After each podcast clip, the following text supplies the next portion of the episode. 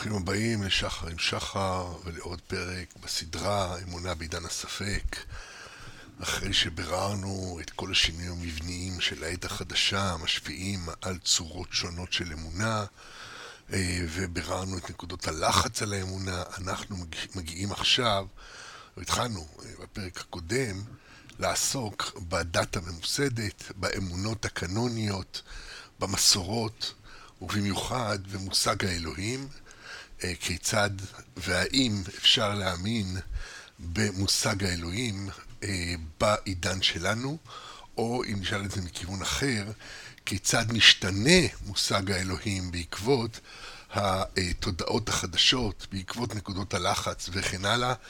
ובשיחה הזאת אנחנו נמשיך לדון באפשרות של אה, אה, אמונה שבמרכזה עומד הרעיון של אה, אלוהים, אמונה תיאולוגית, או תיאו, תיאוסופית אולי, לא, תיאוסופית זה חוכמת, חוכמת האלוהים. אז תיאולוגית זה לוגיקה של האלוהים, איך אנחנו נגיד את זה? אמונה תיאו-פרדיגמטית.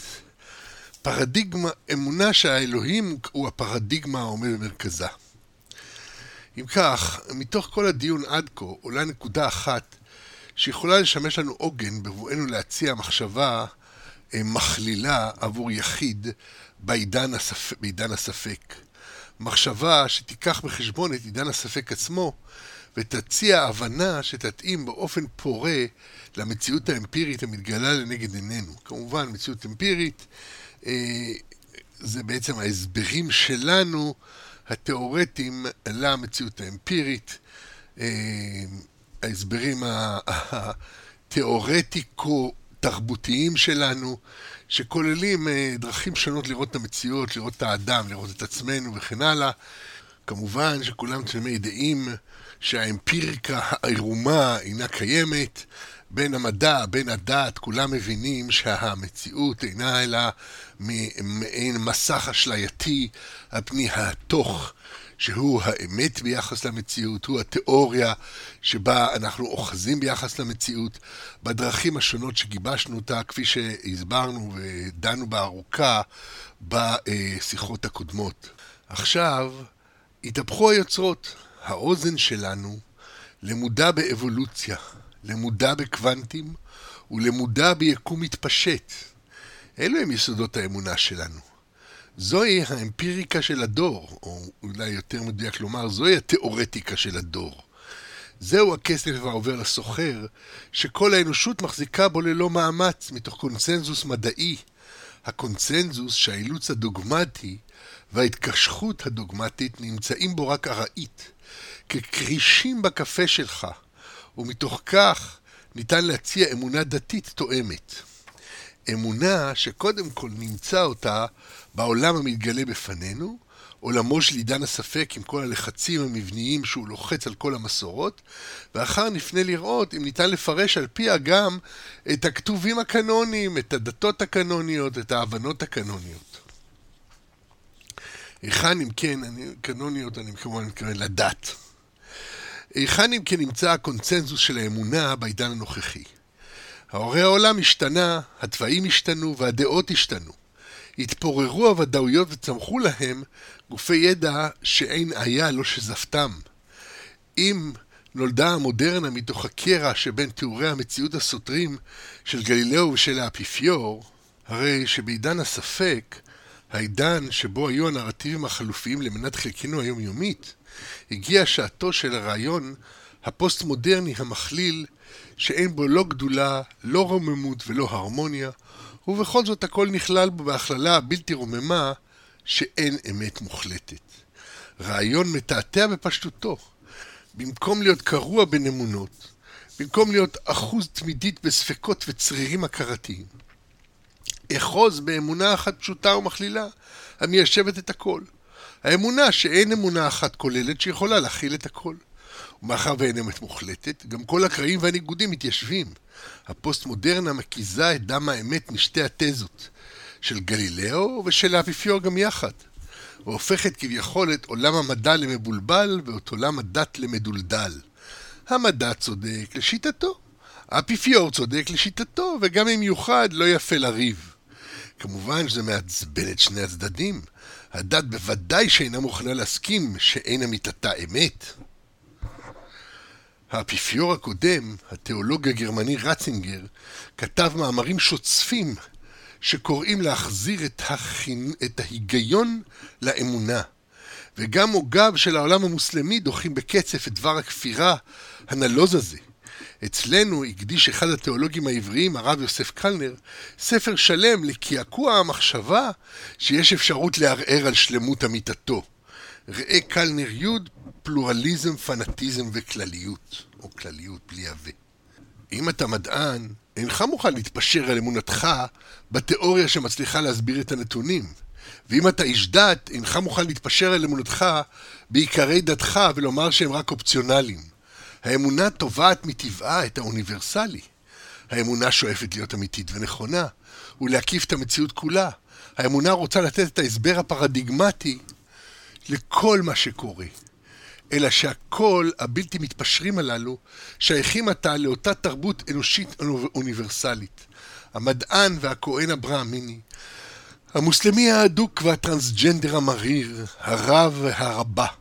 כולם במרחק חיוג מהיר אחד מהשני, כולם שותפים לאותה מערכת כללית עולמית, מערכת כלכלית עולמית, כולם עטופים באותה תרבות גלובלית. מרחב קיומם של אחרים מכיל את כל מעשיהם ודבריהם של אחרים שעימם האישיות מתמשקת. אך האישיות היא זו שחובה ומפנימה, היא זו שמיישרת קו ומורדת, נכנעת או בועטת, ומצידם של אחרים, אף אישיות זו מהווה חלק מהרשת. בהקשר הנוכחי, השאלה היא על השינוי ברשתות האמון והאמונה האגורות והעמידות כל כך. כל האימפריה הרומית לא יכלה להזיז את רבי עקיבא מאמונתו. אבל ההשכלה הצליחה לעקור אצל המשיכה ואת ההקפדה הזאת. ומהי הייתה אמונתו של רבי עקיבא? בזמן שהוציאו את רבי עקיבא להריגה, זמן קריאת שמע היה, והיו סורקים את בשרו במסרקות של ברזל, והיה מקבל עליו עול מלכות שמיים. אמרו לו תלמידיו, רבנו, עד כאן. אמר להם, כל ימיי הייתי מצטער על הפסוק, על פסוק זה, בכל נפשך. אפילו נותן נשמתך. אמרתי, מתי יבוא לידי ויקיימנו? ועכשיו שבא לידי לא יקמנו? היה מעריך באחד עד שיצאה נשמתו באחד. כלומר, אמונתו עומדת בפני כל הגזרות של המציאות האמפירית. אפילו עד כדי סריקת אה, מס, גופו במסרקות בשר, הוא אחוז באמת נעלה יותר מן המציאות, אה, או בוא נגיד אמת, אמת שמסבירה את המציאות ברמה כזאת, שאפילו התעתועים של כאב לא יכולים אה, להבנה המעמיקה שלו ביחס למציאות, לאמונתו ביחס למציאות. אבל האימפריה הרומית לא הצליחה, אבל ההשכלה כן הצליחה. מה השתנה? מה שינתה המודרניות בתודעות שגרמה לתזוזה הזאת? איך זה קרה? ומה קורה היום שמחולל באופן בלתי נמנע תזוזות נוספות? אז כבר עמדנו על הדברים, אבל בואו נראה מה עושה האמונה הדתית עם כל מה שעמדנו עליו. אמנם מרחב קיומם של אחרים אינו רק עניין של אמונות, אלא גם של היררכיות נוקשות בין, מאח... בין מאכלסי המרחב. כבר באוכלוסייה הקטנה של גן עדן, המשמשת לנו מופת לאורך כל אורך השיחות הללו, היו היררכיות ברורות, אלוהים מעל כולם, האישה והאיש מתחתיו, הנחש מתחתם, חיות השדה מתחתיו. אי השוויון המהותי ומערכתי, ומערכתי לכל מערכת היררכית. בוסים ושכירים, אדונים ועבדים, עשירים ועניים, מורים ותלמידים, שופטים ונאשמים, הורים וילדים, השררה והכוח המצויים בידי הצד האחד, מאפשרים באופן מערכתי את ניצולם לרעה, ובאופן בלתי נמנע הם גם מנוצלים לרעה. אמנם שאיפת הצדק בוערת בכל מי שאוחז בקצה הקצר של מקל החובלים, ומרחב קיומם של אחרים מכיל את ההסדרים הנאותים כדי למנוע את מיריו של אותו בעל שאיפות. בדרך כלל די באיום של מקור הסמכות הגבוה בהיררכיה כדי לשמור על הסדר. לא תאכל ממנו, כי ביום אוכלך ממנו מות תמות. אמנם לעתים נכנסות מחשבות בלב הכפיף. אף כי אמר אלוהים, לא מות תמותון. ואז צריך לנקוט באמצעי ענישה. אל האישה אמר בו הרבה עצבונך, ולאדם אמר בעיצבון תאכלנה כל ימי חייך. וגם אמצעי עקיפה. ויגרש את האדם, וישכן מקדם לגנן את הכרובים, ואת להט החרב המתהפכת. מרחב קיומם של אחרים הוא לא רק מקום חיותנו, אלא גם מקום הדיכוי וההגבלה שלנו. הסמכות המגוננת היא גם הסמכות התובעת ריסון. בסופו של דבר, גם אם הנחש צדק בכל דבריו, האלוהים הוא הבורא. האלוהים הוא הסמכות המכוננת. סמכות מודדת ומענישה, מעניקה ומגרשת. ההתפתלות הפסיכולוגית של האיש והאישה לנוכח התוכחה האלוהית היא התבנית היסודית לכל התפתלות פסיכולוגית אנושית מאז ומעולם. מבחינה פסיכולוגית יודע היצור האנושי היטב לחיות בקונפליקטים הרומסים את הצדק בשם הביטחון, את השנאה בשם האהבה ואת החופש בשם הצורך. הרגשות הסוערים הכרוכים בצורך לדכא דחפים הרסניים, לוותר על רצונות ולשמור על אהבת ההורה, לוותר על חופש כדי לשמור על הביטחון, טבועים בטבע האדם. תרבויות שלמות סובבות את העיקרון שהגדול צודק ויהי מה.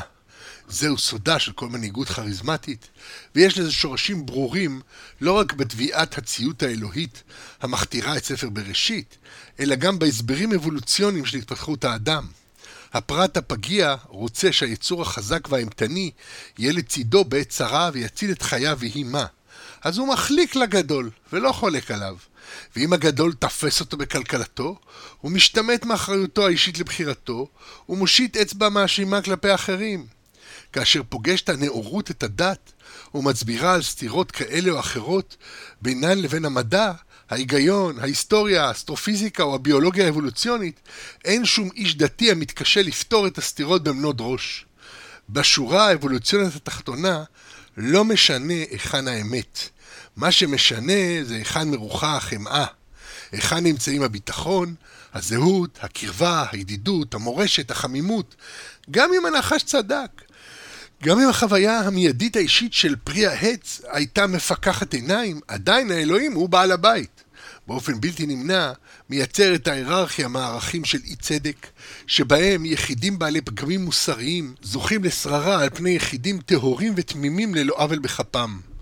כל תינוק חדש שנולד מקיים בתלותו המוחלטת, באמונו חסר הפניות, את המבנה ההיררכי המוטה של מרחב קיומם של אחרים, ובאופן בלתי נמנע לצד הפירות המתוקים של החיות, השפה והתרבות, שיעניק לו מרחב זה, הוא יזכה גם לפירות המרים והחריפים של אי הצדק, הצומחים אף הם מאותו מרחב עצמו. בעיית הרשעים יעלוזו, מציקה לכל תרבות, באשר זוהי הפרה בוטה של רעיון הצדק, שמפעם באנושות בכל מקום. עד מתי רשעים השם? עד מתי רשעים יעלוזו? יביעו, ידברו עתק, יתעמרו, כל פועלי אבן. עמך, אדוני, ידכאו, ונחלתך יענו. אלמנה וגר יהרוגו, ויתומים ירצחו. הרשעים העולזים לא רק מדברים עתק ומתעמרים, לא רק רוצחים אלמנה גר ויתום, אלא גם אפיקורסים שמכחישים את כושר ראייתו והבנתו של האלוהים. ויאמרו לא יראה יה, ולא יבין אלוהי יעקב. ההפרה המוסרית מתרחשת במישור האנושי הטהור במערכות היחסים המוטות בבני אדם, בהן אנשים פוגעים זה בזה, מחזירים רעה תחת טובה, ואין בכוחם של הקורבנות להשיב את מידת הצדק מול מפגעיהם, באשר המוחות האנושיות ההיררכיות אינן מאפשרות צדק ושוויון. כאן נכנסת מערכת הנהלת החשבונות הכפולה של הדת, מערכת אוניברסלית המקדיפה באלפ... המקדימה באלפי שנים את זו של החשבונאות המודרנית. כאן נכנסת מערכת הנהלת החשבונות הכפולה של הדת. מערכת אוניברסלית המקדימה באלפי שנים את זו של החשבונאות המודרנית, ובה יש מי שיודע את החשבון האמיתי ורואה את הצדק האמיתי. הרשע אינו יכול לעלוז בשקט, משום שיש מי שיודע את כל מה שקורה. יש מי שמחזיק ראש ומחשב את החשבון. בינו בוערים בעם וכסילים מתי תשכילו, הנוטה אוזן הלא ישמע, אם יוצר עין הלא יביט, היוסר גויים הלא יוכיח, המלמד אדם דעת, השם יודע מחשבות אדם כי הם ההבל. ומי שיודע את החשבון, הוא לא רק כל יודע, אלא גם כל יכול. והוא זה שעתיד להשיב את האיזון למאזני הצדק. אל נקמות השם, אל נקמות הופיע, הנשא שופט הארץ, השב גמול על גאים. המחשבה על אי צדק היא בלתי נסבלת בכל מקום, והתרבויות והדתות השונות יוצרות לעצמן מערכות שונות להשבת הצדק על כנו. מערכות שבהן החשבון מתאזן, והמינוסים בעמודה אחת מתקזזים בפלוסים מעמודה אחרת. החשבון לא תמיד מחייב מחשבן. בדתות הגדולות של המזרח אין מחשבן. החישוב מתבצע מעצמו באופן אוטומטי, מעצם טבע המציאות, וכולל בתוכו גם את האלים עצמם. האלים ובני האדם נמצאים כולם ברצף אחד בתוך חשבון הגלגולים. בבודהיזם ובהינדואיזם נתון עולם האלים לאותו מנגנון של קרמה וגלגולים כמו עולמם של בני האדם. זהו חוק שמחייב את כולם, כולל את השופט עצמו וחל על כולם באופן אוטומטי. גם בהיעדר המושג האלוהי, מחשב מנגנון זה באופן אוטומטי עבירות כנגד זכויות, ומחולל אצל המאמין את אותם דחפים של אשמה המובילים אותו להשקיע מכספו וזמנו למען אחרים, ובמיוחד תמיכה בנזירים ומוסדות דת. החטא בהודו או בסין אינו מרידה באלוהים, אלא הפרה של איזון קוסמי שיש ליישבה במעשים טובים או לשלם עליה בצורות, בצרות צרורות בגלגול הבא.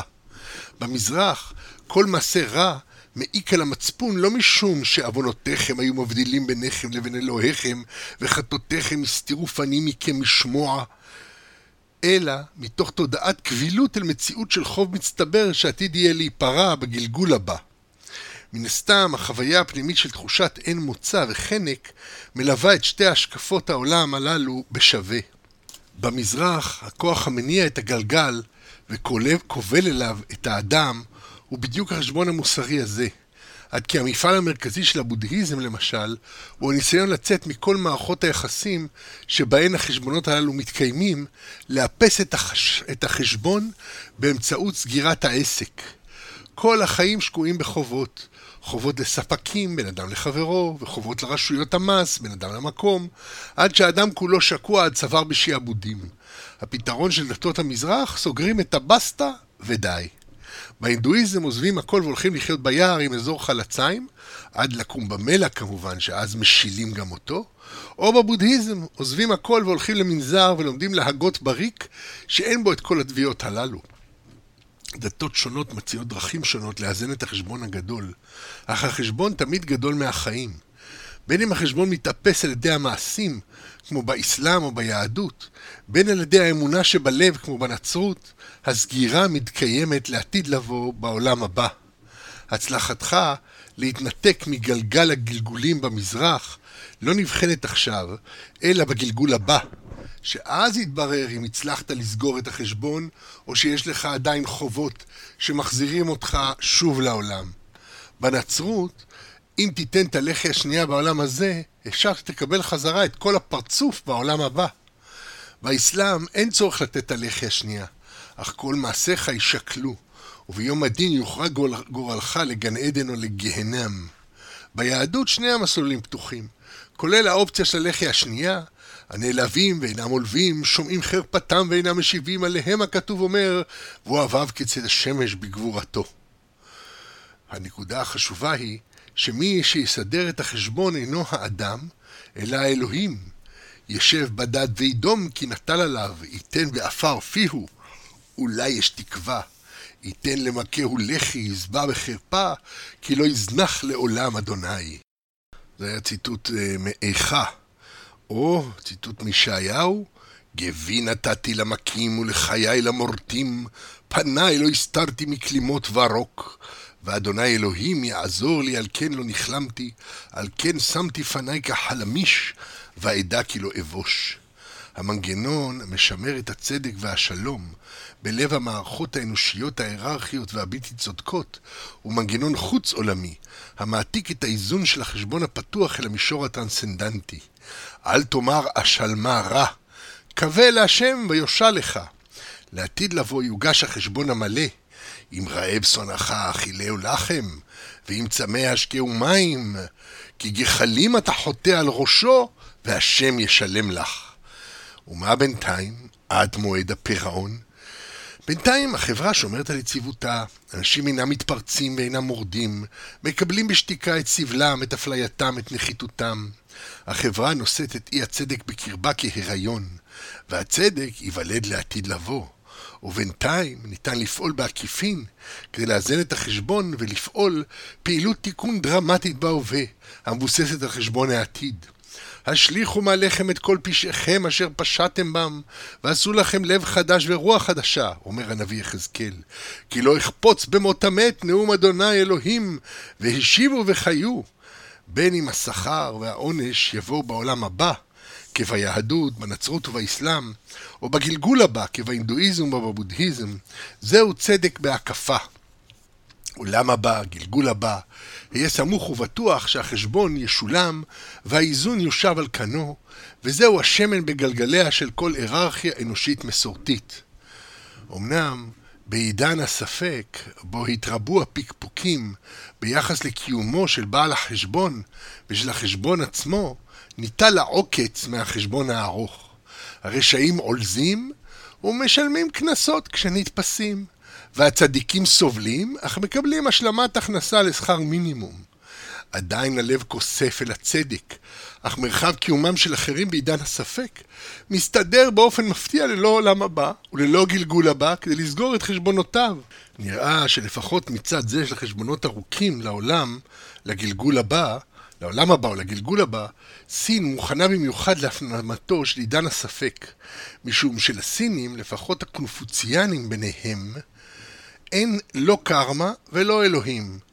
אמנם כוחות מסורתיים אחרים פועלים לבלום את סין בעידן הספק, ובעיקר האמונה הקונפוציאנית שהסדר החברתי וההרמוניה נעלים בחשיבותם על כל דבר אחר, כולל דעותיו, אמונותיו וערכיו של היחיד. עיקרון זה קשור למושג הסיני של שמירה על הפרצוף, בהקשר של מערכת הכללים המסורתית הסבוכה שלהם, המבססת את ההיררכיה החברתית באופן שונה מאוד מהיררכיות שמניבות אמונות גלגולי או עולם הבא, באשר אין היא נוטלת את העוקץ מההיררכיה, אלא מדגישה אותו על פי העיקרון שכבוד לאחר מביא כבוד לכל, וחרפת האחד מביאה חרפה לכל. כלומר, דגש חזק על שמירת המוניטין והתדמית, המהווים כוח שמרני חזק העוקף את המסורת הקונסנזואלית של היחיד וחותר תחת היצירתיות האישית. בדומה מאוד למערכות הקונפוציאניות, מערכות החוקים והמשפט של המדינה המודרנית יוצרות משטר מוסרי שיש בו כדי למלא את התפקיד שמילאו עד כה הדתות. בעידן השפע הגדול של ההווה, מסולק הצורך בכלכלה מוסרית הנשענת על העולם הבא, ונוצרת כלכלה מוסרית של העולם הזה.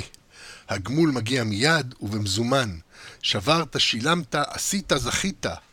ומעלת מרחב קיומם של אחרים בעידן הנוכחי על פני הקונפוציאניזם, היא שבניגוד לאכזריות הסינית הידועה לשמצה, גם החסד כבר הוטמע במערכת, ואם נכשלת חרוצות, המערכות הסוציאליות תחזקנה בך. והשינוי הזה כמובן הוטבע אה, בתרבות, במרי, למעשה, ברעיון של אה, גאולה מבחוץ, של כוח חיצוני, שהוא זה שיסדר את העניינים, הדאוס אקס מכינה, שבעצם כל הדתות מציעות, אה, והציפייה אה, של המדוכאים לגאולה אה, חיצונית, בעוד שהעשירים נשארים, נשענים על כספם, העניים נשענים על אמונתם, מה שגרם למרקס לצעוק בייאוש שהדת היא אופיום להמונים, ההמונים שהוא בא לגאלם ולשחררם לא רוצים לשעות אליו, הם מאזינים לדת. אה, שגורמת להם לא למרוד במערכות של העולם הזה, אלא לחכות לישועתם בעולם הבא, לצדק אלוהי, במקום לצדק אנושי, ובינתיים העשירים, קו אלכסוני רשעים, על פי המערכת הזאת, עולזים. ויש לנו אה, הרבה מאוד אה, מחאות על זה, אה, בעולם המוזיקה למשל, אה, אנחנו יודעים את אה, המפורסם של בוב מרלי, Get up, stand up, stand up for your rights. כן, עכשיו תקומו, תיאבקו על זכויותיכם ואל תחכו למושיע אה, חיצוני, או אה, איך זה הולך השיר הזה אה, אצלנו, אל תגידו יום יבוא, הביאו את היום, לא נחכה ליום יבוא, שיום אחד יהיה משהו שיגאל אותנו, אלא הביאו את היום, עשו את זה בעצמכם, במעשים שלכם, בתוך המציאות. אז ברור שהתביעה הזאת עולה באופן חזק מאוד מתוך העולם הנוכחי שלנו, אה, ובסדרת השיחות שלי על המערכות הכספיות, אה, אני עוסק בהרחבה ברעיון הזה של בעצם המערכת הכלכלית אה, כסוג של חתרנות תחת לרעיון הגאולה, כי המערכת הכלכלית כל הזמן פודה את החובות. ברגע שהיא פודה את החובות, היא אה, למעשה לא מצריכה יותר את ההתערבות האלוהית, ואומנם היא מוטה בצורה קשה מאוד, כי היא משעבדת את היחידים שאין בידם את האמצעים, ליחידים שיש בידם את האמצעים, ושוב האמצעים הם גם פרי מעשה האדם, ועוד ידובר בזה בארוכה בסדרה אה, העוסקת באמונת הכסף. על כל פנים, אנחנו כאן בדת עסקינן, ובמה שקרה וקורה לדעת בעקבות אה, כל החידושים שעסקנו בהם לכל אורך סדרת השיחות הזאת. ובואו נתחיל קודם מהדבר הכי בולט בתרבות המערב בוודאי, מפשט המקראות. פשט המקרא היה הראשון שנפל קורבן להסברים החלופיים שצמחו מהמחקר המדעי על פני כדור הארץ, גיל היקום והאבולוציה הביולוגית. ברור לחלוטין שאין כל דרך להציל את פשט הכתוב מול גילויי, מול גילויי ההתפתחות האבולוציונית, הן מצד אי ההתאמה של הראשית, שישה ימים לעומת 14 מיליארד, הן מצד אי ההתאמה של האחרית, התחזית הנבואי של ששת אלפים שנות קיום לעומת התפתחות לאינסוף, וזו הייתה סיבה לשבר הגדול אחרי דרווין. ההסברים החלופיים שמציע המדע על המציאות הם כל כך הרבה עוצמה ורחבי קונצנזוס שהם תפסו באופן מלא את המרחב של האמת המכלילה של העידן הנוכחי ואין ברירה אלא לפרש את הפשט כצופן בקרבו רז תמיר התואם את המשמעות האמיתית של הכתובים שאינה סותר את הממצאים האמפיריים. כך אכן הכריע למשל הראיה קוק לא הכבדות שיש בהתאמה של פסוקי תורה או מאמרים מסורתיים אחרים לרעיון ההתפתחות מכבידה היא על העמדת המחשבה ההמונית על מכונה. מחשבה, מלאכה זו נוחה היא מאוד. הכל יודעים שהמשל, החידה והרמז שולטים בעניינים הללו, שהם כבשונו של עולם. בכל מקום, וגם אוזן ההמון רגילה להיות נשמעת לגזרה קצרה, שמקרא זה או מאמר זה, או בכלל, הוא בכלל סתרי תורה, שהוא נעלה מפשתו ודעתו מתיישבת, והיא מותאמת בזה אל סקירת בעלי המחשבה, המשער את סוד השירה העליונה שיש בהרצדת, בהרצאת חידות מיני קדם. זה מתוך הראייה קוק השינויים העיקריים בעת החדשה. הפרשנות הרזית משחררת את הפשט, ויכולה להרחיק לכת עד מאוד, אצל הרי הקוקי הובילה למסקנה שההתגלות האמפירית של התפתחות היקום תואמת את עומק הרזיות של היהדות באופן שלם ביותר. והוא אמר על תורת האבולוציה את הדברים הבאים: תורת ההתפתחות ההולכת וכובשת את העולם כעת, היא מתאמת לרזי עולם של הקבלה יותר מכל התורות הפילוסופיות האחרות. ההתפתחות, ההולכת במסלול של התעלות, היא נותנת את היסוד האופטימי בעולם.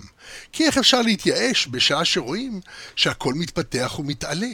וכשחודרים בתוכיותו של יסוד ההתפתחות המתעלה, אנו מוצאים בו את העניין האלוהי מואר בבהירות מוחלטת, שדווקא אינסוף בפועל מחולל ולהוציא אל הפועל משהו אינסוף בכוח.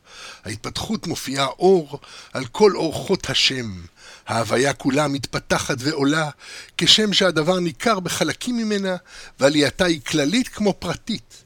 עולה היא, היא עד מרום הפסגה של הטוב המוחלט.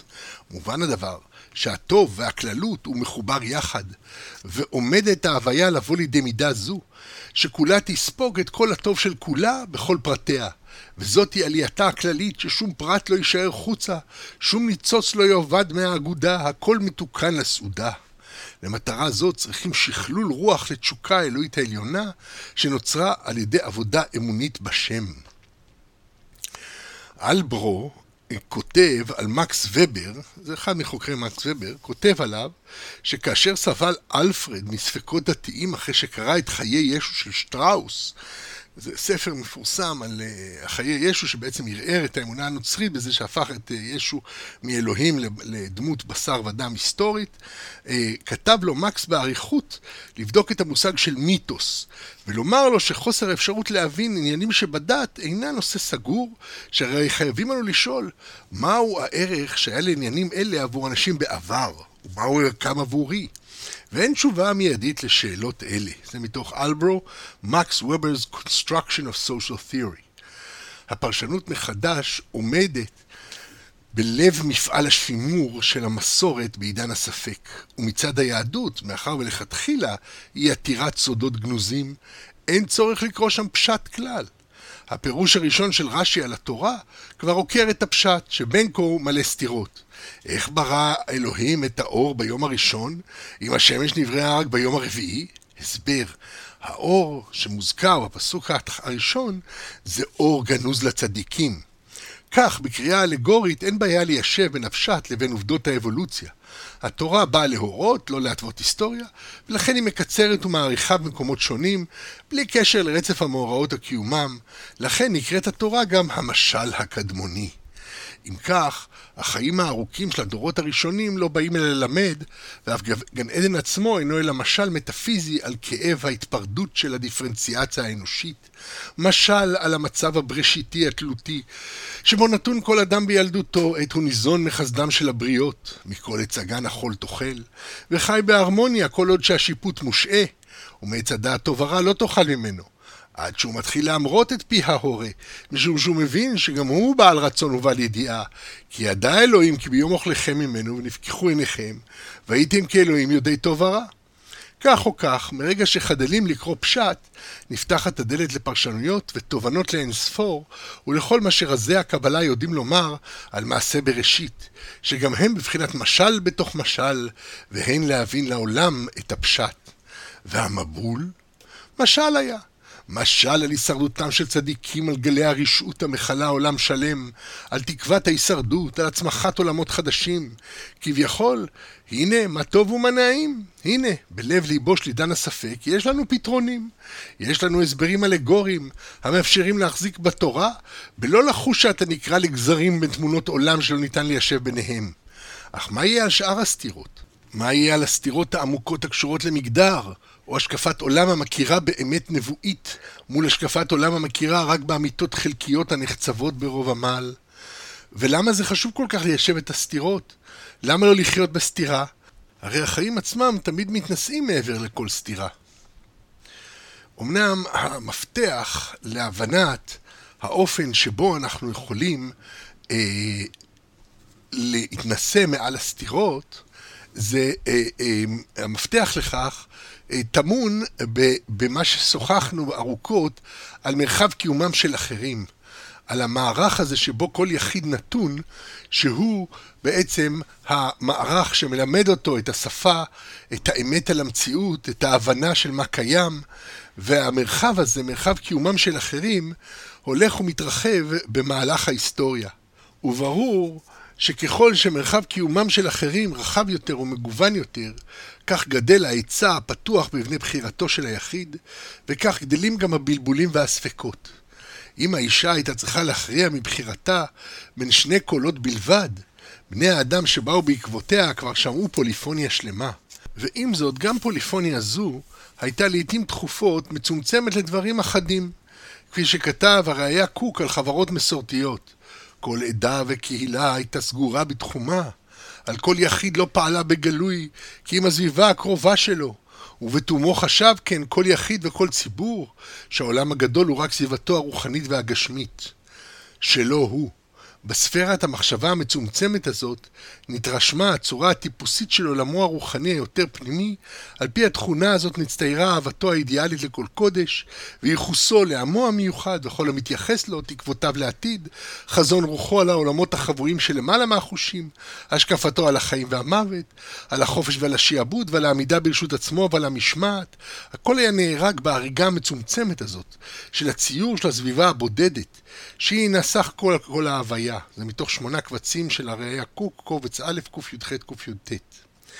מרחב קיומם של אחרים, שאליו נחשף כל יחיד, מכיל את התכונות שקבוצה מסוימת של בני אדם החליטה לאמץ לעצמה, ולומר, זו זהותי. וברור שאפשר לגדל כל ילד על הזהות הזאת, או אל הזהות הזאת. תגדל בין זאבים, תצא זאב. תגדל בין אנשים, תצא איש. תצא איש השייך זהותית המתנהג במסגרת הפרמטרים של החברה בה הוא גדל, והיקף מרחב קיומם של אחרים, שבו, שבו גדל היחיד, קובע מה הם הפרמטרים האלה. החברות המסורתיות מופיעות ונראות כמתובנתות מאוד. יש דרך לעשות כל דבר, ורק כאשר אתה קונה את הדרך הזו, אתה חבר מלא בחברה. יש שפות המלאות ביחסות חברתיות. פנייה נכונה לא רק לזכר ונקבה, המעמדות החוצים את כל התרבויות, אלא גם מעמדות נוספים, פנייה לעבד, פנייה לאדון, פנייה לקבוצת השווים. השפה מגלמת היררכיות ונוקשויות מגוונות, שמתוות ליחיד את מקומו במרקם האנושי שבו הוא חי וקיים. אם אדם שייך לשבט הורגי שיער העיזים בהודו, יש לו מעמד מאוד ברור כלפי האנשים השייכים לשבטים אחרים ולהיררכיות אחרות. כלפי הקסטות השליטות של הברהמינים, הסוחרים או הלוחמים, כלפי הקסטות של בעלי מלאכה אחרים כמוהו, וכמובן כלפי הקסטות הנמוכות של העבודות המלוכלכות, פושטי האורות ומפני הגוויות, הטמאים למיניהם. והקסטה של הג'וקרים, החוצים כל קסטה, הלא הם הסד הוא, הבני בלי קסטה, המסתובבים עירומים ורעבים ברחבי הודו, מתפרנסים מהצדקה, מחוששים מעל האוזניים, ומביאים מזל לבני הקסטות כולם. מרחב קיומם של אחרים לא רק קובע את האופק המחשבתי, אלא את הקיומי ממש. כך למשל, בחברות המסורתיות הקדומות ביותר, כמעט ואין מושג של רכוש פרטי. בחברות ההודיות העניות של הקסטות, מחלקים אנשים כל שפע חומרי שנקרא בדרכם עם אחרים. דפוסים אלה חוזרים במקומות רבים ברחבי העולם, כגון בפוטלאץ' ביבשת אמריקה ובתרבויות אוקיאניה נטולות הרכוש הפרטי. החברה פועלת כאורגניזם רב-אנושי מוגדל, באופן שבו היחיד הוא ממש עבר של החברה, והתפקיד של המרכז המופתי, המרכ... המרכז בתוכו את הידע, את הכוח, את היופי, הוא חזק מאוד. מאחר והוא לא רק מייצג את היחידים באופן שטחי, אלא הוא באמת המרכז שלהם, שהם מבוטלים כלפיו בצורה חזקה מאוד. היחיד נדמה כבלוע לחלוטין בתוך מרחב קיומם של אחרים, אך הוא רק בולע את מה שאנשים בחברה זו אימצו כתבניות שחברה זו פיתחה. אנשים בדיוק כמוהו שבלעו מאחרים.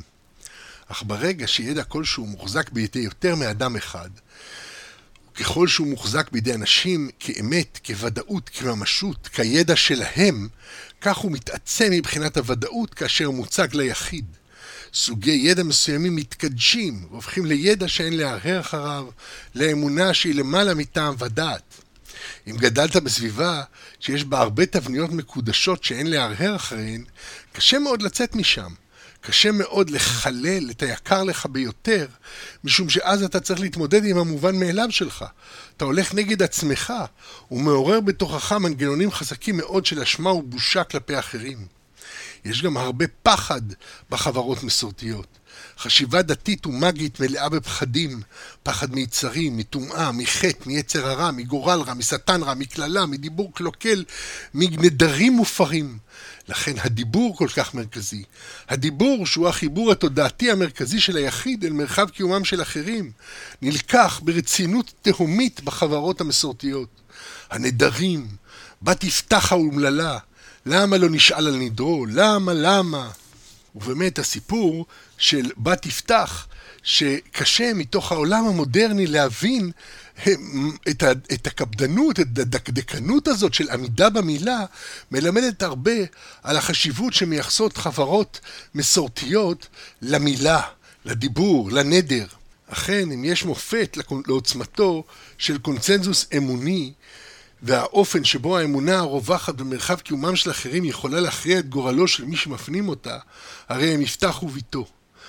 וידר יפתח נדר לשם ויאמר אם נתון תיתן את בני עמון בידי והיה היוצא אשר יצא מדלתי ביתי לקראת, לקראתי בשובי בשלום מבני עמון והיה לשם ואליתי עולה.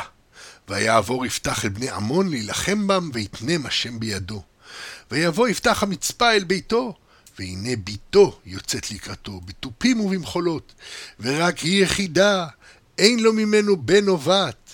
ויהי כראותו אותה, ויקרע את בגדיו, ויאמר, אהה, בתי, אחריה הכריעתני, הכריעתני, סליחה, אחריה הכריעתיני, ואת היית בעוכריי, ואנוכי פציתי פי אל השם, לא אוכל לשוב.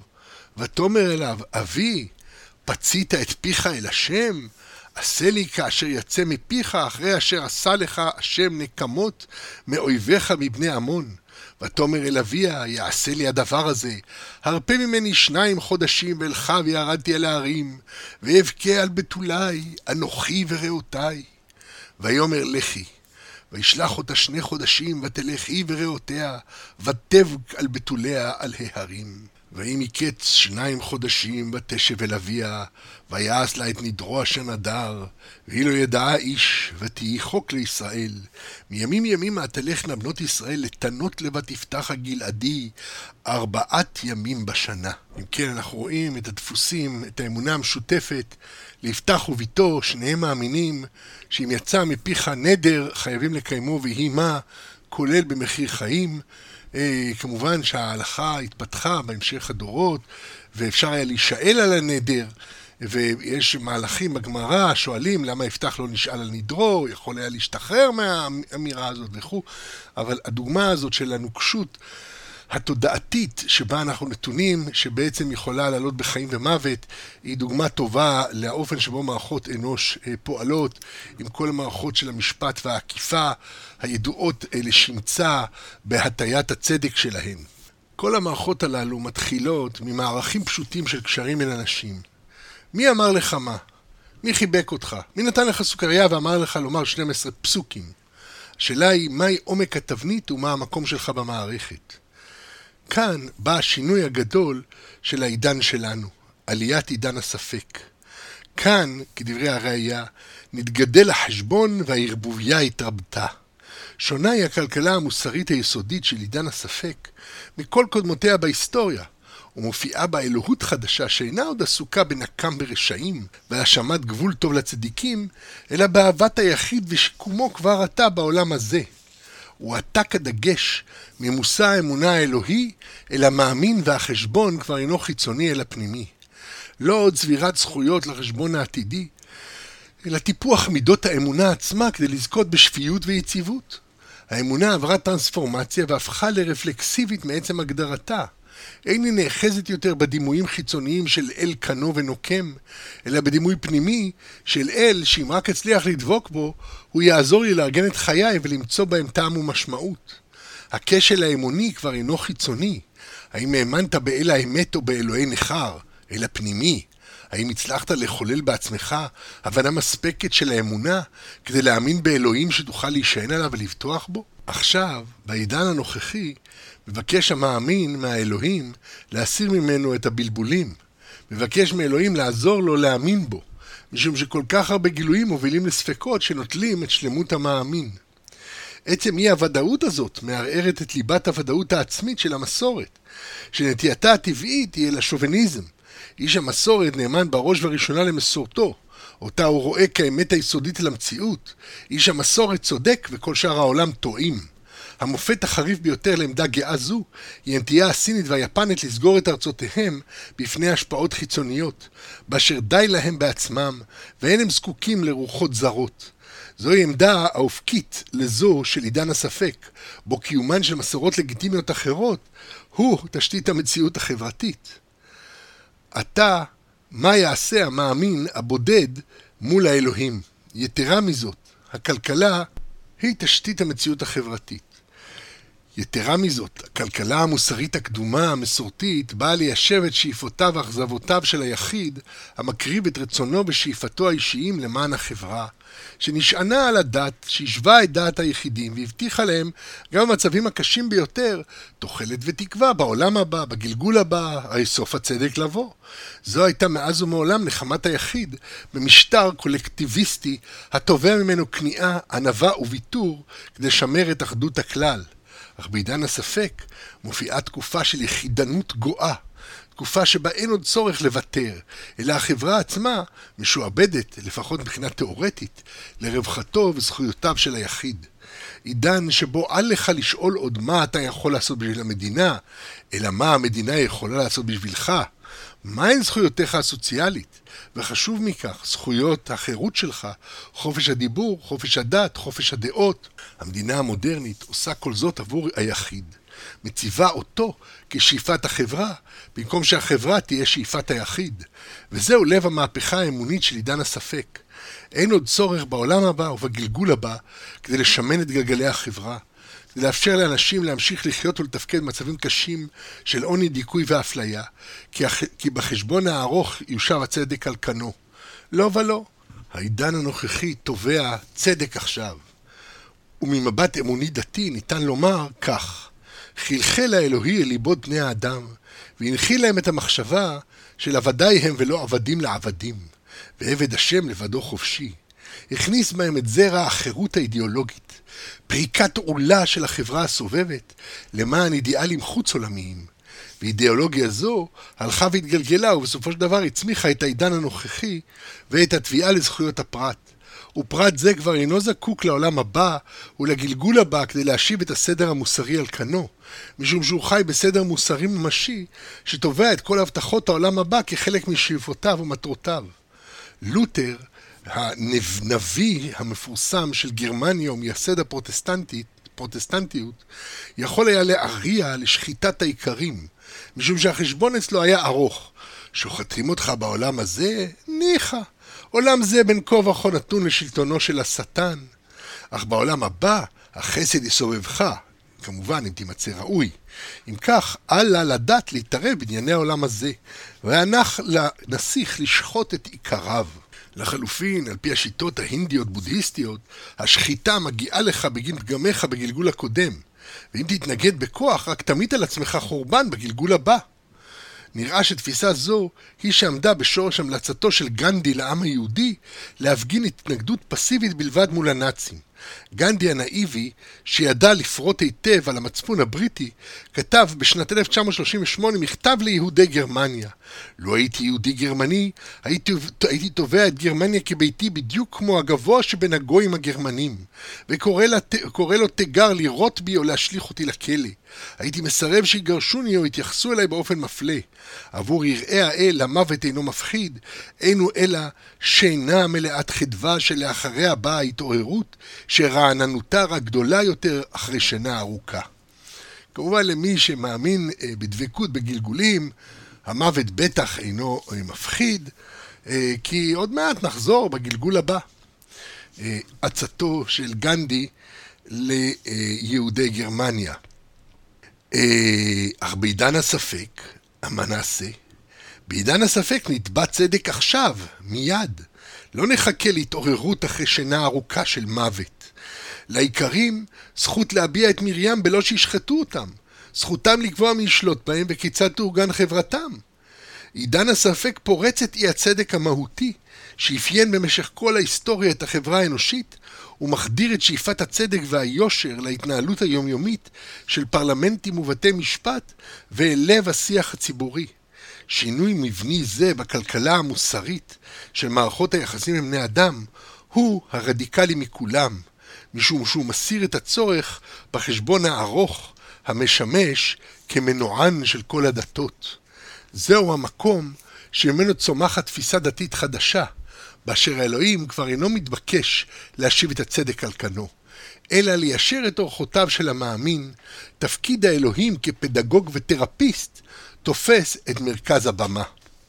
עד כאן השיחה הנוכחית אה, של אמונה בעידן הספק. אה, עדיין עסקנו בעצם בהתמודדויות השליליות במלחמת המאסף של האמונות אה, המסורתיות מול עידן הספק. ולמעשה אה, בשינויים המהותיים, היסודיים, שחלו בעצם התפיסה, תפיסת האלוהות שלנו, אה, אתם מוזמנים להצטרף אליי לשיחות נוספות אה, בסדרת אמונה בעידן הספק, אה, במסגרת שחר עם שחר, ובשיחות הבאות אנחנו נעסוק באופן פוזיטיבי באפשרות של אמונה אלוהית מורחבת על סמך הידע הנוכחי הידע, ה, או בכלל המערכות הידע, המערכות האמוניות שמתאפשרות ומתכוננות בעידן הספק. להשתמע.